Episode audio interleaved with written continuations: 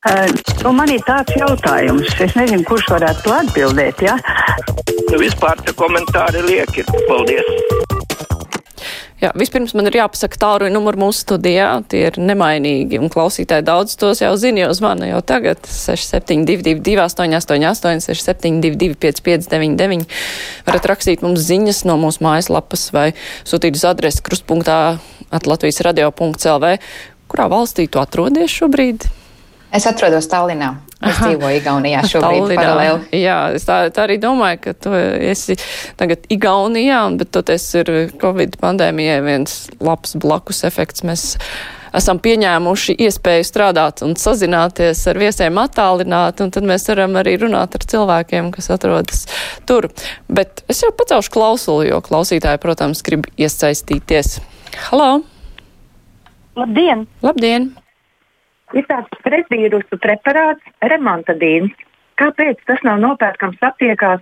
40 gadus to varēja iegādāties, un tagad, kad viņš tik ļoti vajadzīgs ir vīrusu laikā, lūdzu, kad pretvīrusu preparātu remontadīnu varēs atkal nopirkt aptiekās? Mm -hmm. Mums pirms nedēļas bija tieši šādi paši jautājumi. Igaunijā arī par to interesējās. jo ja tas ir medikaments nes... pilnīgi citam vīrusam nekā šobrīd ir aktuāls.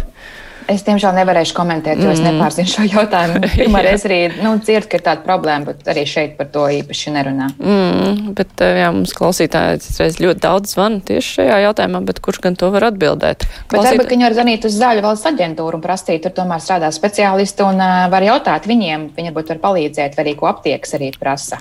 Tieši tā. Klausītājs zvana. Halo! Labdien! Labdien!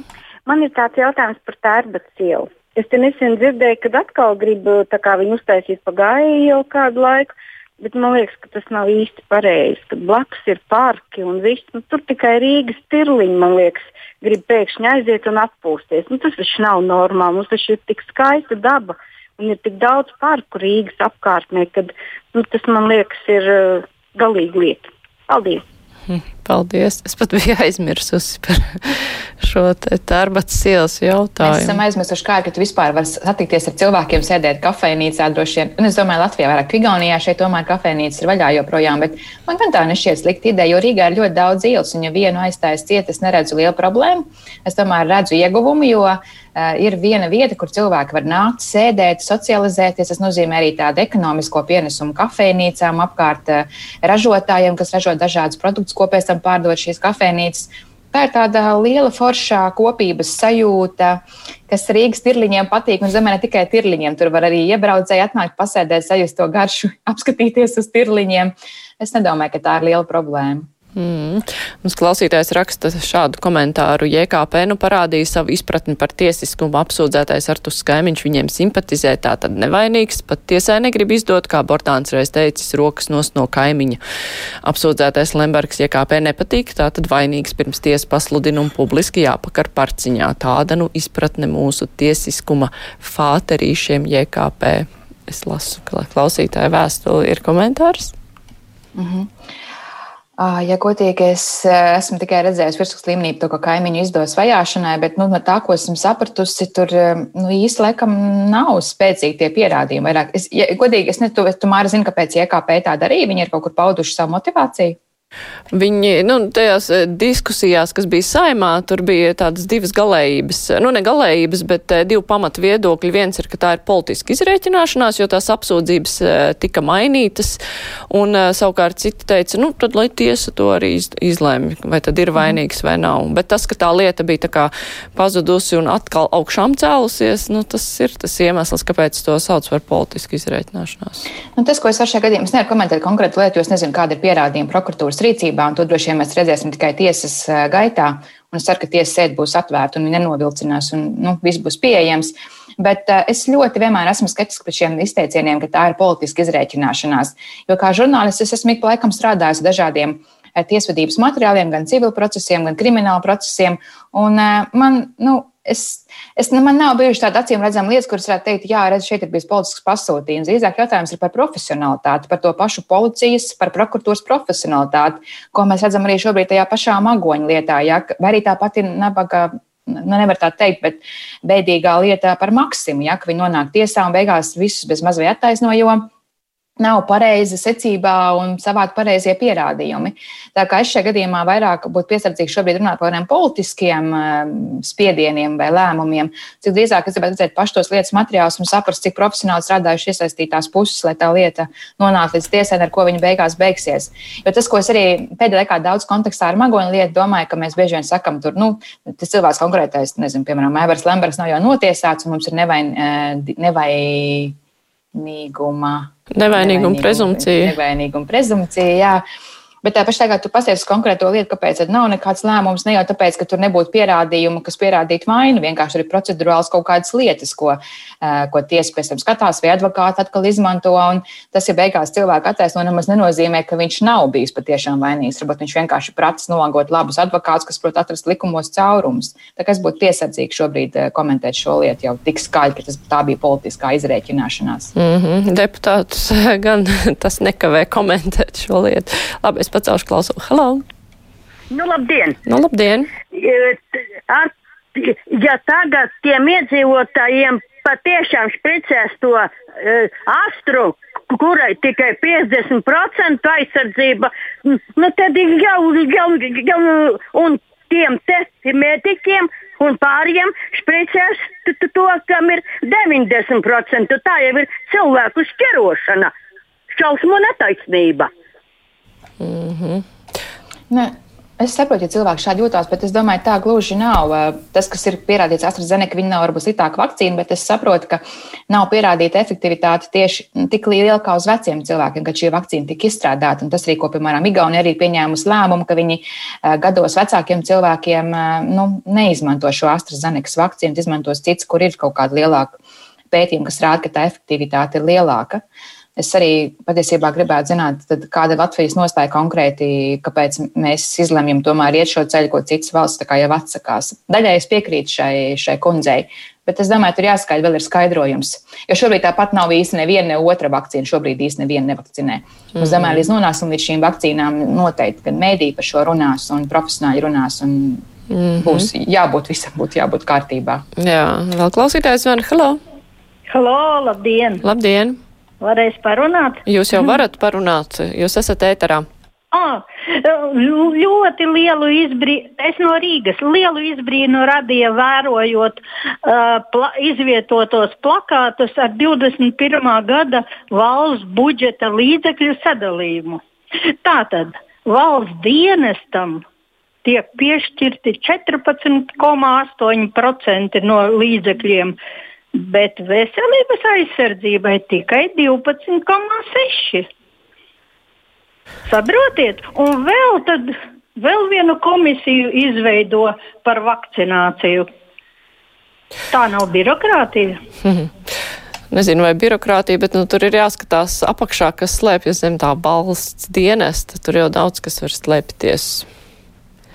Jā, tikpat labi tur varētu tiešām būt arī, nezinu, tur ir kaut kādas tiesību sargājušās iestādes. Eh, tas ir ļoti liels un plašs jēdziens, lai, lai uzreiz tā novispārinātu.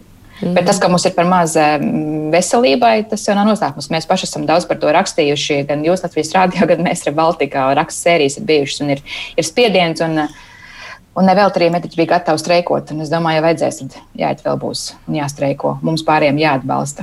Mm. Klausītāja raksta tā, vai tiešām sāksim pierast pie tomēr ļoti traģiskā mirušo skaita. Arī Lietuvā vēl pavisam nesen bija liels inficēto skaits, bet nav tik daudz mirušo Latvijā trešo dienu pēc kārtas ap 30. Uzskat, ka šim jautājumam tomēr būtu jāpievērš lielāka uzmanība. Nu jā, tikai vakar uh, parādījās ziņa, ka 30% vairāk eh, Latvijā no Covid mirst nekā vidēji Eiropā, un tas ir milzīgs skaitlis, un tur tiešām vajadzētu pētīt, kāpēc. -hmm.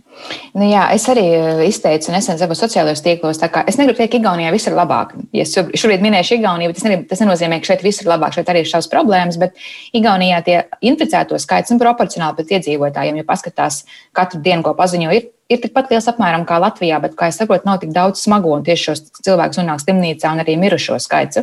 Un pie tā visa šeit ir vaļā kafejnīcas ar 50% kapacitāti, kā pusi telpa drīkst aizpildīt. Man blakus ir skola, kurā bērni nāk uz skolu un strādā, un tur īsti nav bijis nekas bijis aizvērts. Bet nu, tā situācija nav tik traģiska. Un es arī nesen kā, liku savā sociālajos tīklos un prasīju, kā, kāds varētu būt tas iemesls. Un, uh, es minēšu vienkārši dažus piemērus, bet tie tādi anekdotas pastāsti, kā, viņ, kā saka, ja tas nav empirisks pierādījums, bet sajūta ir tā, ka Igaunija tomēr vairāk ievēro šos ierobežojumus. Cilvēki paši ir disciplinētāki. Piemēram, šobrīd kafejnīcās puses tās telpas var būt atvērtas, bet kafejnīcā pat tās ir tukšas. Cilvēki vienkārši paši nenāk. Atcerieties, kā bija Rīgā, kad bija tas pirmais vilnis, ja, kad bija ierobežojums, ka varbūt tikai pie viena galdiņa no vienas maisainiecības, un tāpat tās nu, ļoti daudz cilvēku pārkāpa, un tās kafejnīcas bija pilnas, kad jau bija ierobežojumi. Šeit Igaunijā nav tāda ierobežojuma, un tāpat cilvēki neiet. Vai vēl viens piemērs bija, kad sākās otrais vilnis. Man vīrs pārnāk vienu vakaru mājās no darba un saka, es arī rītdien sākšu vilkt masku. Jo tramvajā vairākums cilvēkiem visiem bija maskas, un es sajūtos nērti, ka man nav maska. Un tas bija laikā, kad valdība vēl neteica, ka ir jāvelk maskas. Ka tas nebija vēl obligāti. Jā, jā ka cilvēki tā, paši jau paši sāk vilkt tās maskas mm -hmm. sabiedriskajā transportā. Arī šeit ir protesti par to, bet tie nav tik masveidīgi kā Rīgā. Tā kā zemē viens iemesls ir tomēr tas, ka nu, neievēro. Mēs redzam, cik mums ir spēcīgs kustības pret visiem šiem ierobežojumiem, kur daļai arī saprotu, tur ir daudz argumentu, gan veids, kā valdība viņus ir paziņojusi, un es pilnībā saprotu cilvēku dusmas, bet nu, tas neats arī to aspektu, ka mums cilvēki tomēr ir noguruši vai netic un arī neievēro ļoti mm. daudz. Dosim vārdu arī klausītājiem. Halo! Labdien! Labdien.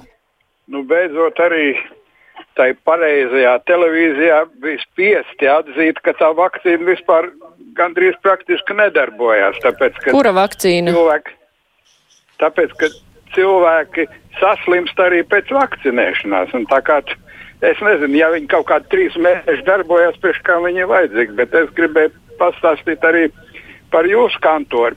Ja jau jūs esat nu, tādi it kā tur lielie pētnieki vai kā, bet jūs jau pētiet to, ko jums liek pētīt, un ko jūs ne, neļauj pētīt, to jūs nepētiet. Nu, tāpēc, kad kaut vai pamēģiniet izpētīt, kā Kariņš varēja pārdot kinoteātri pionieru 23 dārgāk Krievijas miljonāram. Tātad tur kaut kas apakšā bija kaut kāds pakalpojums. Jūs to nepētīsiet nekad. Paldies! Mm -hmm. Pētniecība tavs lauciņš. Jā, jā, jā, mums visu laiku pārmet, ka kāds mums ir samaksājis un mūs nopircis un pasūtījis. Tad man vienmēr ir jautājums, kur tad ir visi tie miljoni? Ja kurš ir nospēris visu to naudu, kuru mums maksā, lai mēs šitā ņemtu un pētītu pēc konkrētā pasūtījuma? Šis mm. bija joks. Mums neviens neko nemaksā un nepasūta. Mēs pētām to, kur mēs redzam problēmu, un to, ko mums gribas pētīt, tur tam mēs arī pievēršamies. Un mēs esam, mums ir bijuši gan materiāli gan par vakcīnām, gan skaidrojoši, gan pētie, pētoši, gan par maskām. Uh, Bet eh, ļoti daudz arī mēs neesam pievērsušies, jo mēs arī Baltikā esam maza cilvēku komanda, un mēs arī pētām citas problēmas, kas ir nemazāk svarīgas, kā tāpat kopā ar jūsu kantori Latvijas radio vardarbību ģimenē, gan par bērniem, kuriem ir vajadzīga, kuriem ir problēmas veselības, un kuriem ir vajadzīga arī palīdzība un asistenti, un tur arī rezultāti ir valdība piešķīrusi šogad paralēli gan 10 miljonus piešķīra tieši pateicoties šie rakstu un, un materiālu sērijai kopā ar sabiedriskajiem mēdījiem. Tā kā mēs varam ļoti daudz lietas, tam arī reāli ir rezultāti.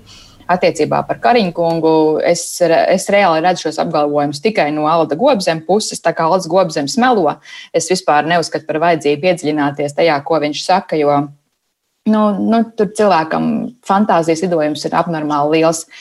Un pateicoties viņam, es domāju, arī mums šobrīd arī daļai ir šāda situācija, jo visi viņa aicinājumi par nevalkāšanu, masku nelikšanu un tā tālāk, tā ir vistiešākais rezultāts šobrīd. Tā kā es kungam, kurš tikko zvanīja, uh, Iesaku paskatīties arī pašam reāli, kas ir tas informācijas avots, kāda ir reāli tie konkrētie fakti.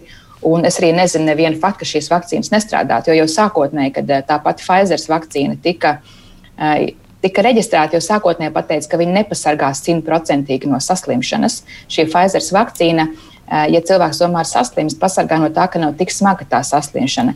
Jūs nenonāksiet potenciāli slimnīcā zem ventilatora. Tas ir tas, ko šī vakcīna mm, dara. Tas ir tas neviens, neviens nekad nav teicis, ka viņi simtprocentīgi visus pasargās. Mm -hmm. Klausītājs zvan, hello! Labdien! Labdien. Sakiet, lūdzu, mums šobrīd valstī ir izsludināts ārkārtas stāvoklis. Ārkārtas situācija, jā. Jā. Un? Kāds ir jūsu jautājums šajā sakarā? Tad man ir jautājums tāds, ka pirms nedēļas um, bija raidījums par to, kādām zālēm tam vajadzētu būt mājās. Un, un uh, raidījuma vidū uh, jūs palaižat mūziku. Nu, tur kaut kāda pauze jums tur skaitās uz, uz desmitos cikos. No, tad kā sanāk? Un tad, kad tas raidījums iet uz beigām, tad ir kā vienmēr raidījuma laiks mums ir beidzies, mums ir daudz neatbildētu jautājumu, tad mums ir ārkārtas stāvoklis vai nav. Ja mums ir ārkārtas stāvoklis un jūs taisat raidījumu par pasaulē svarīgāko, pasaulē svarīgāko jautājumu šobrīd, tad taisat to raidījumu stundu, divas stundas, trīs stundas, kamēr jūs izrunājat visus jautājumus no sākuma līdz beigām. Nevis tur pāris minūtēs pārskrienat pāri vitamīniem, dariet D, E, B, E, e kaut kāds vitamīns nosauc un viss. Jā, paldies. Nu, ieteikums interesants, bet nu, mēdī gluži tā nevar strādāt, ka uh, raidījums turpinās bezgalīgi līdz pēdējiem atbildētajiem jautājumam jo ir jau arī citi raidījumi. Jautājumi, jau, tie raidījumi jau arī ir daudz, vai droši vien, var, ja ir jautājumi, tad vienkārši varbūt uzrakstiet. Es domāju, kolēģi uztaisīs nākamajā raidījumā varbūt nu, atsevišķu raidījumu par šo tēmu. Mums jau mēs arī klausāmies, ko cilvēki saka un ko viņi vēlas un kur pietrūkst informācija, tad jau arī reaģē. Tā kā vienkārši varbūt šajā brīdī arī kungs nepaspēja ātri norēģēt un visu piefiksēt, un vēl jau var vienmēr paprasīt ģimenes ārstam, es domāju, kur tad vitamīni īsti ir jādzer. Un ģimenes ārsts zinās vislabāk, kas tieši jums ir vajadzīgs, jo viņš zinās, kādas jums ir problēmas. Klausītājs vaicā, vai Igaunijā lielveikalos ir sadalīta virzīta pircēja plūsma, vai Igaunijā veikalos koridoru platums starp plauktiem un pa vidu sakrautajām kaudzēm ir lielāka par diviem metriem, vismaz trīs, vai Igaunijā dezinficē lielveikalu groziņu, ratiņu, rokturs biežāk kā vienreiz diennaktī. Latvijā nē, tāpēc arī tik daudz covid slimnieku. Mhm. Pirmkārt, Igaunijā nekad veikali nav bijuši cieti. Šeit vispār tikai ap Ziemassvētku laiku Tallinā aizro, ierobežoja un aizvēra kafejnīcas, varēja tikai līdzņemšanai ņemt. Nu, piemēram, ja tu aizēji nopērts ar kūks vai kaut ko tam līdzīgu. Par veikaliem arī tie lielveikali visu laiku ir vaļā. Es neesmu redzējis, ka kāds, piemēram, kontrolē pircēju plūsmu. Nav tā, ka gāžās milzīgas masas, lai gan es pat reāli eju iepirkties regulāri uz uh, prizmu, kas ir atrodas lielveikalā, jo tur es ar bērnu ratiņiem vienkārši varu tikt vienīgais iekšā.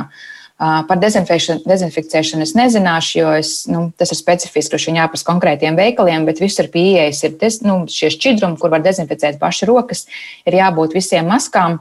Cilvēki arī liek tās maskas. Uh, mums šeit nav tik stingri, kā arī soda par to, ja neliek maskas. Tas maskas ir stingrs ieteikums, un cilvēki arī to dara. Un, nu, nav tā, ka jāsien pakaļ un jāsoda vai jāsaka, kāpēc tev nav maska.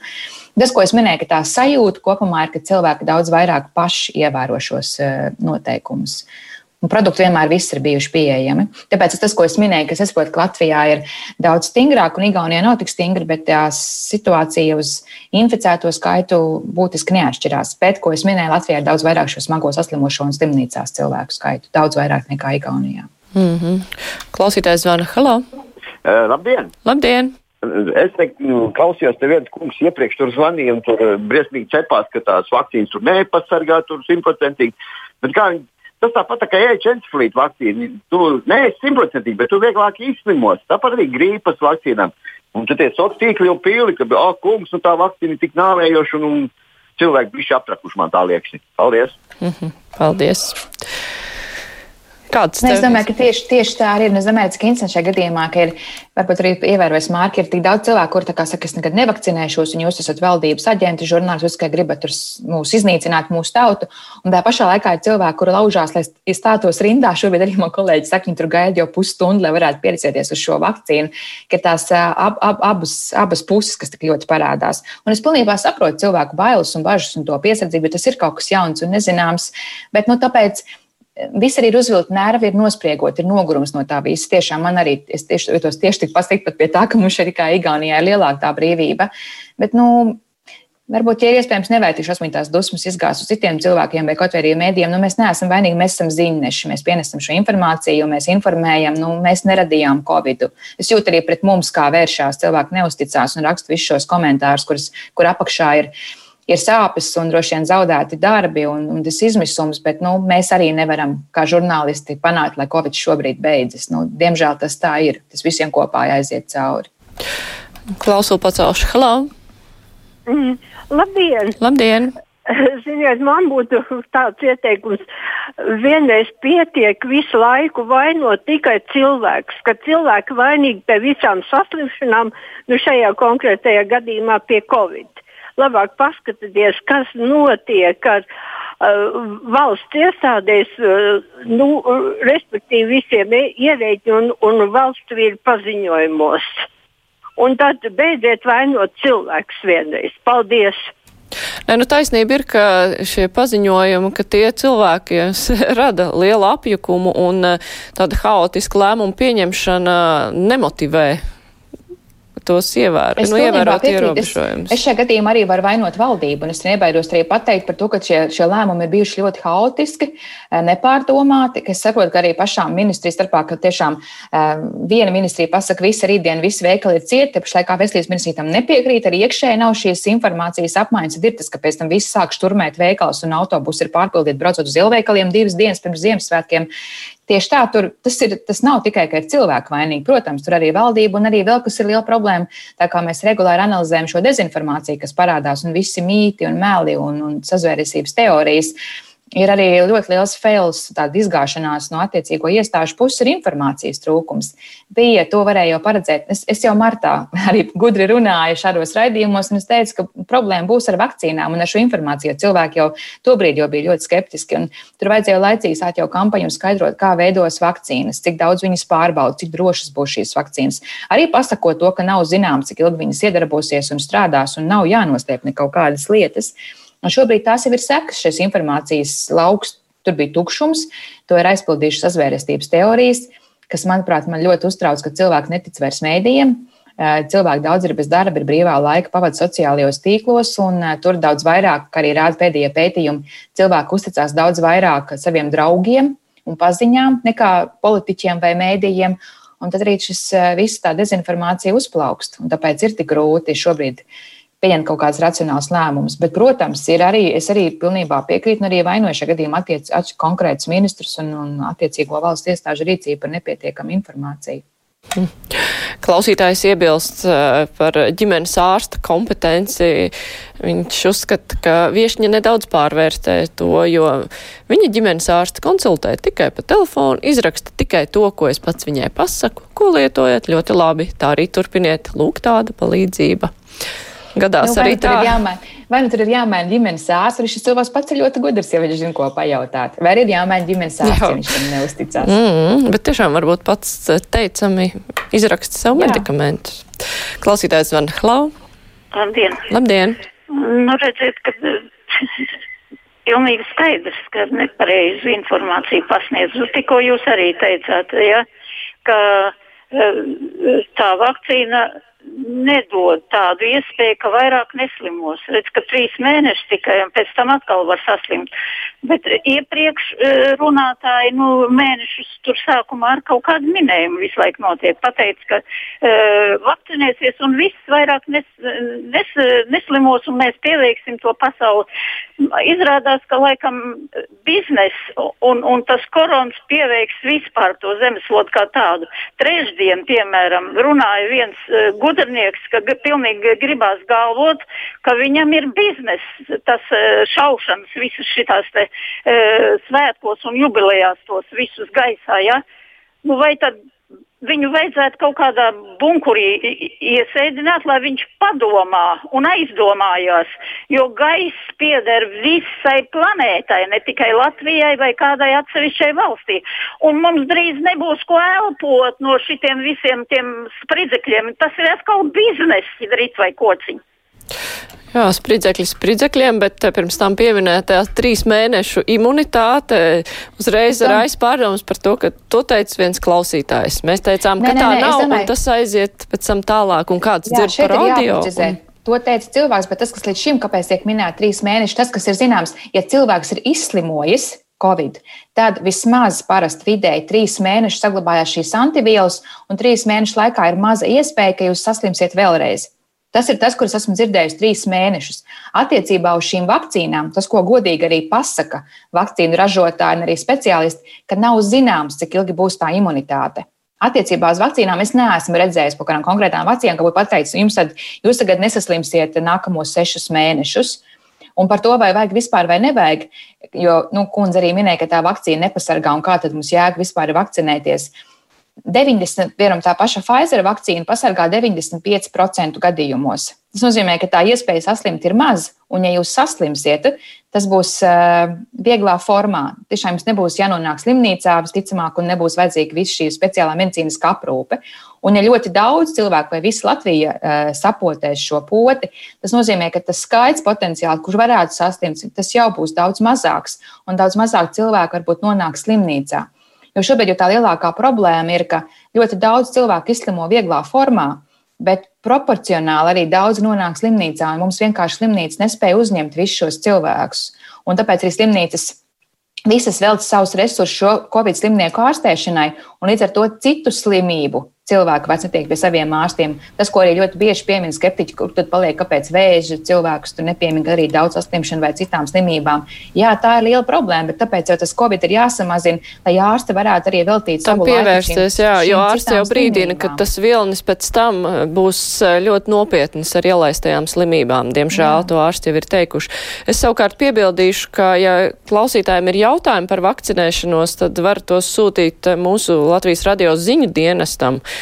Adrese ir zinas at Latvijas radio.lv. Var arī uh, zvanīt pa tālu un 278 34 559 vai rakstīt izziņu. Un žurnālisti tad noskaidros, atbildēs programmā Labrīt un portālā LSM īpašā sadaļā. Tā kā to arī vajag izmantot. Es pacaušu klausulu. Halo! Labdien! Labdien! Ja veikalā vajag 24 kvadrātmetrus, vai tad arī tramvajā un trolejbusā būs 24 kvadrātmetrus cilvēku? Tā ir tā pretruna, ko daudz nesaprot, kāpēc kaut kur ir jāievēro un kaut kur nav jāievēro. Turklāt vietā, kur ilgstoši jāuzturās, tas ir sabiedriskais transports. Nu, es domāju, par šo arī ļoti daudz izskanēs arī kritika, ka būtu jāpalielina šo sabiedriskā transporta skaits.